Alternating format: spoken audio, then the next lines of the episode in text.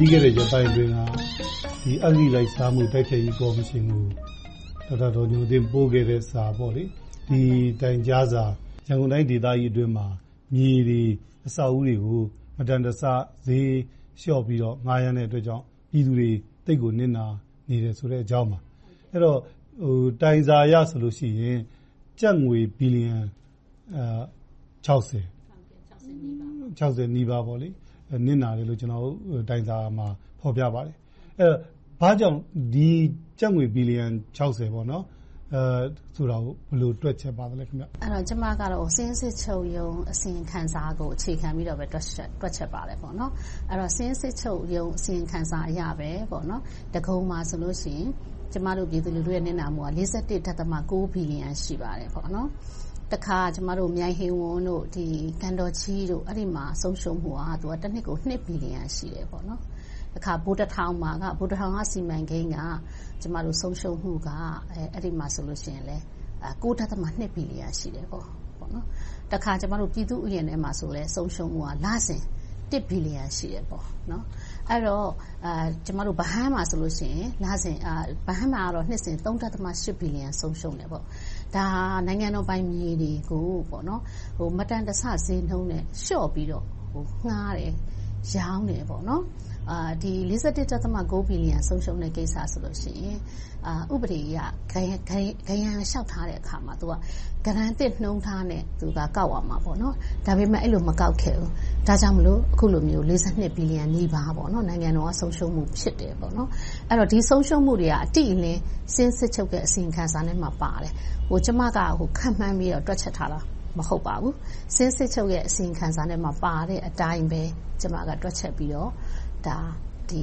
ကော်မရှင်ပေါ့နော်အဂရိလက်ဆောင်တက်ဖြတ်ရေးကော်မရှင်ကိုတင်ပြခဲ့တာပါဒီ journal တွေမှာရေးတဲ့အတိုင်းဆိုလို့ရှိရင်တော့အဂရိလိုက်စားမှုတက်ဖြတ်ရေးကော်မရှင်အနေနဲ့ဒီတိုင်ကြားစာကိုကြော်စောမှုအနေနဲ့သူတို့အရေးယူဖို့စီစစ်နေတယ်ဆိုပြီးတော့ journal တွေမှာရေးပါတယ်တရားဝင်တုံ့ပြန်တာမျိုးအကြောင်းကြားတာမျိုးပဲအခြေအနေမှာရှိပါလဲခင်ဗျ အာဒီကျမကဒီတိုင်ဆောင်တင်လိုက်တာကအမှန်ကတော့လေဟိုတောက်ကြနေဟိုညပေါ့နော်တင်လိုက်တာဆိုတဲ့အခါကျတော့ရုံးချိန်ကြော်မှတင်လိုက်တာဖြစ်တဲ့အတွက်ကြောင့်မလို့အာစနေတနင်္ဂနွေမှာလည်းကော်မရှင်ကမတွေ့ပါဘူးပေါ့နော်အာတနင်္လာနေ့မှာတော့ကော်မရှင်ကရပြီဆိုတဲ့အကြောင်းကိုမီဒီယာတွေကိုပြန်ကြားတာရှိပါတယ်ပေါ့နော်အာတနင်္လာနေ့ကလည်းကျမရုံးချိန်ထိကျမဟိုဟိုကော်မရှင်ကိုဆက်သွယ်နိုင်တဲ့အနေအထားမရှိတဲ့အတွက်ကြောင့်မလို့ရုံးချိန်ပြင်ပမှာတော့ကျမဆက်သွယ်လိုက်ပါတယ်ဆက်သွယ်တဲ့အခါမှာကျမရဲ့ဒီတိုင်စာရပြီးတော့ပေါ့နော်လုံထုံလုံးဒီတိုင်းဆက်လုပ်နေပါတယ်လို့ဟိုပြန်ကြားပါတယ်ဟုတ်ကဲ့ဒီတိုင်ကြားစာကခုနဒေါက်တာဒေါ်ညိုသိန်းပြောသလိုပဲ2016 2019ရန်ကုန်တိုင်းစည်ရင်းစစ်ကျုပ်ရဲ့အစီရင်ခံစာဒီအစီရင်ခံစာပါဖော်ပြချက်တွေအရတိုင်ကြားတာဆိုလို့ရှိရင်အဲ့ဒီကျွန်တော်တို့ဒီ gram ချပေးတာတင်တာခေါ်တာနောက်ပြီးတော့မြေတွေငှားရမ်းဖို့သဘောတူညီချက်တွေက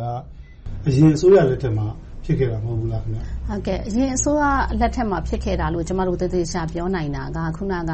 ဒီပုဂ္ဂလိက လုပ်ငန်းရှင်နှစ်ယောက်ကိုတကုံမှာပေါ့နော်မြေဧက ထောင်ချီပြီးတော့ ချပေးလိုက်တာပေါ့အစိုးရပြောင်းကန်နေလေးမှာပေါ့နော်အစိုးရပြောင်းကန်နေလေးမှာ ချပေးလိုက်တဲ့အာကိစ္စပါတယ် နောက်တစ်ခါဟိုပြည်သူဥယျာဉ်တွေက Natural World Company ကို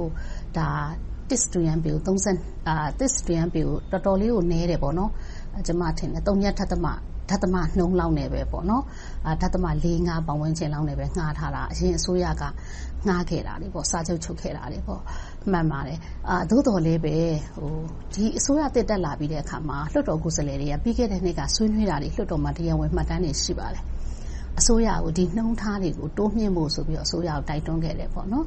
အဲ့တော့ဒါပေမဲ့အစိုးရဘက်ကအဲဒီနှုံထားတွေကိုဟိုလုံးဝမတိုးမြှင့်တာတော့မဟုတ်ဘူးဒါပေမဲ့မဖြစ်ဆက်လောက်လေးပဲတိုးမြှင့်ခဲ့တယ်ပေါ့ ဥပမာဖြစ်စဉ်ခုန ပြည်သူဥယျာဉ်ထဲမှာဆိုလို့ရှိရင်အာကျမတို့ဟိုတစ်စတူရန်ပေကိုဒါတကုံမြို့နယ် လွတ်လွတ်တော်ကိုယ်စားလှယ်ဖြစ်တဲ့ ဦးကျော်စေရကတရားဝင်ပြောတာ တစ်စတူရန်ပေကိုတထောင်နှုံးရှိပေမဲ့အဲ့ဒီမှာ တစ်စတူရန်ပေကို အစိုးရက စာချုပ်ပြန်ချုပ်တာဟာ32ကျပ်နှုံးနဲ့ ပြန်ချုပ်တယ်ပေါ့နော်ဒါကြောင့်မလို့ ကျမတို့က လစဉ်1ဘီလီယံ ဆုံးရှုံးတယ်ပေါ့အဲ့တော့ ဟုတ်တယ် စာချုပ်တွေက စခဲ့တာတော့ အရင်အစိုးရက စခဲ့တာ ဖြစ်တယ် ဒါပေမဲ့ အဲ့ဒီစာချုပ်တွေကိုသက်တမ်းတိုးတာကအခုဆိုရလက်ထက်မှာလည်းသက်တမ်းတိုးနေတာကိုကျမတို့တွေ့ရတယ်ပေါ့နော်အမှန်ကတော့ကျမတို့ကာလပေါက်ဈေးနဲ့ပဲကျမတို့သက်တမ်းတိုးတင်တယ်။ဘာကြောင့်လဲဆိုအားလုံးသိတဲ့အတိုင်းပဲအခုဆိုရင်အစိုးရကအဖက်ဖက်ကအာဒီပြည်သူလူထုလိုအပ်ချက်တွေအတွက်ရန်ပုံငွေမြင့်မားနေတာဖြစ်တဲ့အတွက်ကြောင့်မလို့ကျမတို့ရန်ကုန်မှာဆိုရင်အခွန်တွေတိုးပေးရတယ်ပေါ့နော်ကားလိုင်စင်ကလည်းအခွန်တိုးပေးရတယ်ပေါ့နော်အဖက်ဖက်ကကျမတို့စားသုံးကုန်ရောပေါ့နော်အကုန်လုံးကုံသွဲကုန်ကျမတို့အခုအခုနေတော်တော်များများတိုးပေးနေရတဲ့အချိန်မှာပေါ့နော်ဟိုတစ်ဖက်ကကြတော့ခုနကလူတစုကိုကြတော့လူနည်းစုတစုကိုကြတော့ပေါက်ဈေးနဲ့အဲမကောက်ဖဲနဲ့ပေါ့နော်အထုအခွင့်ရေးပေးတဲ့အနေအထားတွေကိုကျမတို့တွေ့နေရတယ်ပေါ့နော်ဒါကြောင့်မလို့လဲကျမ အာဒီတိုင်ဆောင်မဖြစ်မနေတိုင်ရခြင်းဖြစ်တယ်ပေါ့နော်အဲ့တော့မနစ်ကလည်းပဲလွှတ်တော်ထဲမှာဒီလိုပဲဆွေးနွေးတယ်ဆွေးနွေးပြီးတော့အစိုးရကပြန်ပြီးတော့အရေးယူတဲ့ဘိုင်းမှာဟိုအားရကျင်တဲ့ဖွဲ့မရှိဘူးပေါ့နော်ဒါကြောင့်မလို့ဒီနှစ်လည်းလွှတ်တော်မှာဆွေးနွေးပြီးမဲ့လည်းအာလွှတ်တော်နောက်ဆုံးနေ့မှာအစိုးရဘက်ကပြန်လဲပြီးတော့ဖြည့်ရှင်းတာတို့ကျင်းတဲ့လောက်တဲ့တင်ပြချက်တွေမတွေ့ရဘူးပေါ့နော်ဒါကြောင့်မလို့ကျမကဒီနစ်နာဆုံးရှုံးမှုတွေကို ပြည်သူအတွက် ပြန်ရပါစေတော့ဆိုရည်ရွယ်ပြီးတော့ ဒီလိုပြန်တိုင်ကြတာ ဖြစ်ပါတယ်ဟုတ်ကဲ့ကျွန်တော်ခုနမေးခွန်းကိုပဲထပ်ပြီးတော့ဟိုထပ်ပြီးတော့ ပြန်ပြီးတော့ ကောက်ရရင်ဟိုလက်ရှိ ရန်ကုန်တိုင်းဒေသကြီး အစိုးရအနေနဲ့ အရင်အစိုးရက နှစ်ရှည် သဘောတူညီချက်တွေနဲ့ ငှားရမ်းခဲ့တဲ့ဂရီကိုတွေကြောင့် ပြုပြင်ရတာ ပြန်လည်ပြင်ဆင်ရတာ ခက်တာမျိုး ရှိမလားလို့ တွေးမိလို့ပါခင်ဗျာအာဟုတ်ကဲ့ကျမတို့ဒီလိုမျိုးတွေးရင်လည်းရပါတယ်ပေါ့နော်ဒါပေမဲ့ကျမတို့ဖွဲ့စည်းမှုအခြေခံဥပဒေမှာတည်တည်ရှာပြောထားပါတယ်အစိုးရတရက်ကဘလောက်ပဲစာချုပ်ချုပ်ခဲ့ချုပ်ခဲ့ပေါ့နော်အဲ့ဒီစာချုပ်ကတရားမျှတမှုမရှိဘူးပြည်သူလူထုအတွက်နစ်နာတယ်ဆိုလို့ရှိရင်ကျမတို့ဒီစာချုပ်တွေကိုပယ်ဖျက်နိုင်ပါတယ်ပေါ့နော်အဆုံးစုံဆုံးကျမတို့မြစ်ဆုံစီမံကိန်းလိုကိစ္စမျိုးတော့မှကျမတို့ပြည်သူအတွက်တရားမျှတမှုမရှိဘူးဆိုလို့ရှိရင်ပြန်ပြီးပယ်ဖျက်နိုင်တာဥပဒေအရပါ2008ဖွဲ့စည်းပုံအခြေခံအရ အဲ့ဒီလုပ်ပိုင်ခွင့်အစိုးရတွေမှာရှိပါတယ်ပေါ့နော်ရှိတယ်ရှိတဲ့အတွက်ကြောင့်မလို့လေဟိုအရင်တုန်းက3.4ကျပ်နှုန်းကရင်32ကျပ်ကိုတိုးပြီးတော့တိုးမြင့်ကောက်ခံတာဖြစ်ပါတယ်ပေါ့နော်အဲ့တော့စာချုပ်တွေကအရင်အစိုးရကချုပ်ခဲ့တာမှန်ပါလိမ့်မယ်အဲ့ဒီအရင်အစိုးရကစာချုပ်ချုပ်တဲ့နေရာမှာလည်းပဲအဲ့ဒီအချိန်ကတည်းကကျမတို့အဂတိလိုက်စားမှုတိုက်ဖျက်ရေးဥပဒေဆိုတာပေါ်ပြီးသားဖြစ်ပါတယ်အဲ့တော့ဒီဖြစ်က2013စက်တင်ဘာလနောက်ပိုင်းဖြစ်ရဖြစ်တဲ့အတွက်ကြောင့်မလို့အရင်အစိုးရကလုတ်ခဲ့ရင်လည်းပဲ အဲ့ဒီအစိုးရမှာအဲ့ဒီလိုစာချုပ်မျိုးလုတ်ခဲ့တဲ့အတွက်ကြောင့်မလို့ပြည်သူလူထုရဲ့ထိခိုက်နေနာမှုထင်ရှားလို့ရှိရင်အဲ့ဒီလုတ်ခဲ့တဲ့အစိုးရကတာဝန်ရှိမှာဖြစ်ပါတယ်။ဒါကြောင့်ကျွန်မဒီတိုင်ဆောင်တိုင်တဲ့အခါမှာဘယ်အစိုးရလို့ကျွန်မမပြောပါဘူး။ကော်မရှင်ကဘယ်အစိုးရကတာဝန်ရှိတယ်ဆိုတော့ကော်မရှင်ကဆုံးဖြတ်ပါလိမ့်မယ်။လက်ရှိတာဝန်ယူထားတဲ့ရန်ကုန်တိုင်းဒေသကြီးအစိုးရအောက်မှာရောခုလို grant ချပေးတာနောက်ပြီးတော့တင်တာခေါ်ယူတာမြို့သစ်စီမံကိန်းတွေနဲ့ပတ်သက်ပြီးတော့ပြည်သူလူထုနစ်နာတယ်ဆိုတဲ့အချက်တွေရော တွေ့ရှိထားတာမျိုးတွေရှိပါသလားခင်ဗျ။အာအဲ့ဒါတွေကတော့ကျမတို့လွှတ်တော်ကိုယ်စားလှယ်တွေဆွေးနွေးချက်အရဆိုလို့ရှိရင်လက်ရှိအစိုးရလက်ထက်မှာလည်းပဲလူထုနစ်နာတဲ့စီမံကိန်းတွေလူထုအတွက်အရှုံးပေါ်တဲ့စီမံကိန်းတွေရှိနေပါတယ်ပေါ့နော်။ဒါပေမဲ့ကျမတို့ကအဂတိလိုက်စားမှုတိုက်ဖျက်ရေးကော်မရှင်ကဒါတွေကိုဘယ်လိုအရေးယူမလဲဆိုတဲ့အပိုင်းမှာတော့အကော်မရှင်ပေါ်မှာအများကြီးမူတည်ပါတယ်ပေါ့နော်။ခိုင်လုံတဲ့အထောက်အထားတွေလိုပါတယ်ပေါ့နော်။ခိုင်လုံတဲ့အထောက်အထားဆိုတာကအာစင်းစစ်ချုပ်က အစီရင်ခံစာတို့လိုမျိုးပေါ့နော်အဲတခါလွှတ်တော်ကိုယ်စားလှယ်တွေရဲ့လွှတ်တော် ကိုယ်စားလှယ်တွေကော်မတီတွေရဲ့ပေါ့နော်လွှတ်တော်ထဲမှာရှိတဲ့ကော်မတီတွေရဲ့တင်ပြချက်လိုမျိုးပေါ့အဲ့လိုကိစ္စတွေဆိုရင်တော့ဒါခိုင်လုံတဲ့အထောက်ထားလို့ကျမတို့မှတ်ယူအောင်မှာဖြစ်ပါတယ်ပေါ့နော်ဟိုအပြင်မှာကျမတို့အရက်သူအရက်သားကပြောတဲ့ကိစ္စတွေကိုတော့ဟိုတမန်ပြောဆိုတဲ့ကိစ္စတွေကိုကော်မရှင်ကခိုင်လုံတဲ့အထောက်ထားလို့သူမှတ်ယူဖို့ခဲရမှာလိမ့်မယ်ပေါ့နော်အဲ့တော့ကျမတို့ဒါဟာကော်မရှင်ကဥပဒေနဲ့အညီလှုပ်ထုံးလုပ်နည်းနဲ့အညီသူလုပ်ရမယ့်အပိုင်းတွေအများကြီးပါတယ်ပေါ့နော် အခုဒီရန်ကုန်တိုင်းစင်းစစ်ချုပ်ရဲ့အစီအငံသာထွက်လာပြီးတဲ့နောက်ပိုင်းမှာတချို့ဝေဖန်တာတွေပေါ့လေလွတ်တော်အတွင်းမှာဝေဖန်တာတွေနောက်အပြင်ဝေဖန်တာတွေကျွန်တော်ကြားပါတယ်ရန်ကုန်တိုင်းဒေသကြီးအစိုးရအဖွဲ့အနေနဲ့ရောနောက်ပြီးတော့ဒီအာသူစီပင်သားရာ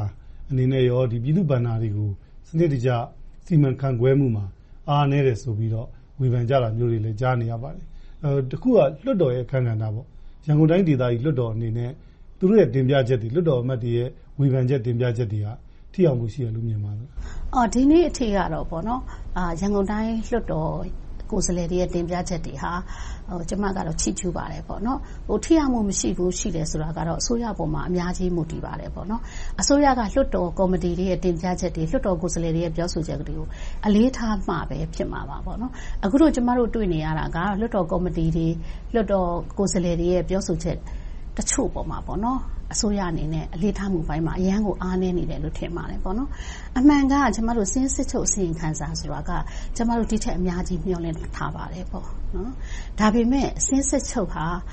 ကျမဒီနေရာမှာပွင့်ပွင့်လင်းလင်းပဲပြောပါရစေ။သူထင်သလောက်သူ့ရဲ့လုပ်ပိုင်ခွင့်ရှိသလောက်သူစာရင်းစစ်ခွင့်မရသေးပါဘူး။မရသေးတဲ့အတွက်ကြောင့်အခုလောက်စစ်ခွင့်ရတာတောင်မှလွှတ်တော်ထဲကကော်မတီတွေ၊လွှတ်တော်ကိုယ်စားလှယ်တွေကအထူးသဖြင့်ဦးကျော်ဇေယျတို့ဒေါ်စန္ဒာမင်းတို့သူတို့တွေကစာရင်းစစ်ချုပ်ကို သူလုပ်ရမယ့်အလုပ်ကိုလုပ်ပေးပါဆိုပြီးအဆိုတင်သွင်းတဲ့အတွက်ကြောင့်ဒီလောက်အထိပေါ်ပေါက်လာတာဖြစ်ပါတယ်။အဲဒီတော့ပြောချင်တာကစာရင်းစစ်ချုပ်သည်သူလုပ်ချင်သလောက်၊သူမှာလုပ်ပိုင်ခွင့်ရှိသလောက်သူလုပ်ခွင့်မရသေးတဲ့အနေအထားကိုလည်းကျမတို့တွေ့နေရပါတယ်။ဒါကြောင့်မို့အခုနလိုရန်ကုန်တိုင်းအစိုးရအဖွဲ့ကပြည်သူ့ဘဏ္ဍာငွေတွေကိုသုံးစွဲတဲ့အခါမှာအများကြီးလူတွေပြောစရာဆိုစရာဖြစ်လောက်အောင်ရှိလာတယ်ဆိုတာမှန်သော်လည်းအဲဒါတွေသည်စာရင်းစစ်ချုပ် ရဲ့ အစီရင်ခံစာအရတော့ ပြည်သူလူထုရဲ့ နစ်နာမှုဖြစ်ကြောင်း ကျမတို့ အခုထက်ထိ မတွေ့ရသေးပါဘူး။တကယ်လို့များ ရန်ကုန်တိုင်းအစိုးရရဲ့ ဆောင်ရွက်မှုတွေသည် ပြည်သူတွေရဲ့ နစ်နာမှု ဖြစ်တယ်ဆိုလို့ရှိရင် ကျမတို့နောက်တဆင့် နောက်တခါ အလုပ်တခု လုပ်ရမယ့် ပုံစံ ဖြစ်နေပါတယ်။ဒါကြောင့်မို့ အခုအချိန်မှာတော့ ကျမတို့က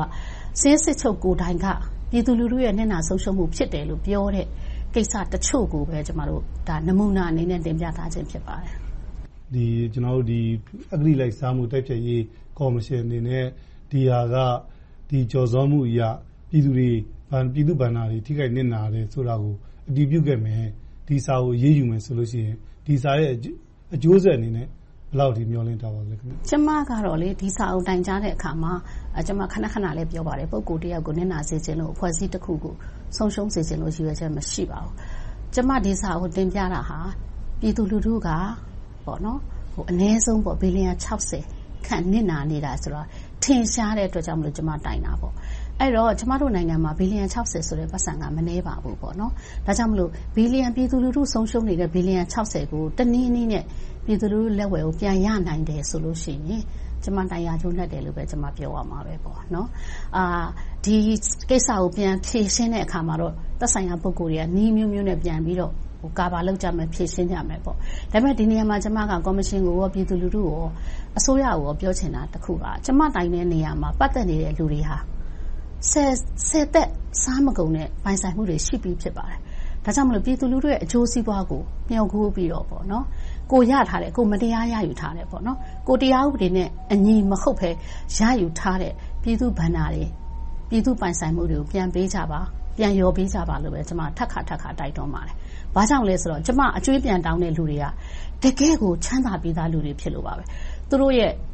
ဆွေစဉ်မျိုးဆက်တသက်မကဘူးဆယ်သက်လောက်စားမကုန်နိုင်တဲ့လူတွေဖြစ်လို့ပါ။ကျေးဇူးတင်ပါတယ်